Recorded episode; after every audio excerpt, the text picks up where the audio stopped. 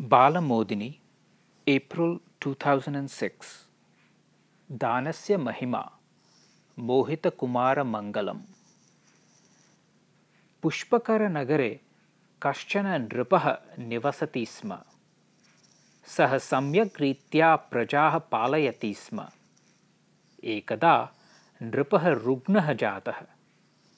तस्य देशस्य राजपुरोहितः प्रसिद्धः दैवज्ञः वैद्यः च आसीत् सः नृपस्य लग्नपत्रं दृष्ट्वा अकथयत्। महाराज भवान् विपुलस्य सुवर्णस्य दानं करोति चेत् स्वस्थः भविष्यति इति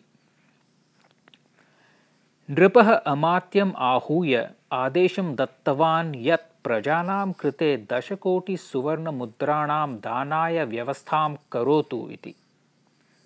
भवतु इति अङ्गीकृत्य ततः गतः मन्त्री पञ्चकोटिमुद्राः स्वपार्श्वे स्थापितवान्। पञ्चकोटिमुद्रामात्रं नगराध्यक्षाय दत्त्वा प्रजाभ्यः वितरतु इति आदेशं दत्तवान्। नगराध्यक्षः अपि सार्धद्विकोटिमुद्राः स्वपार्श्वे संस्थाप्य अविशिष्टम् अधिकारिभ्यः दत्तवान्। एवं प्रकारेण सः विपुलः धनराशिः कृष्णपक्षस्य चन्द्रवत् क्षयं गतः। अन्ते अल्पः एव धनराशिः प्रजाभिः प्राप्तः। विपुलं दानं कृत्वा अपि नृपः स्वास्थ्यं न प्राप्तवान्। अतः कदाचित् राज्ञः मनसि विचारः आगतः। किमर्थम् एवम् अभवत्? किं सुवर्णस्य दानं योग्येन क्रमेण अभवत् उत न? इति अतः सः एतत् सर्वं विचार्य आगन्तव्यम् इति संसूच्य गुप्तचरान् प्रेषितवान्।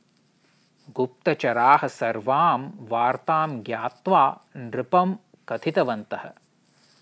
सर्वं ज्ञात्वा राजा कुपितः अभवत्। सः सेनापतिम् आहूय अवदत्, मन्त्रिप्रभृतीन् सर्वान् दोषिणः कारागारे स्थापयतु इति। ततः सः स्वयम् एव राजपुरोहि पुरोहितेन सह गत्वा पुनः दशकोटिसुवर्णमुद्राः प्रजाभ्यः वितीर्णवान्। ततः मासाभ्यन्तरे सः निरोगः अभवत्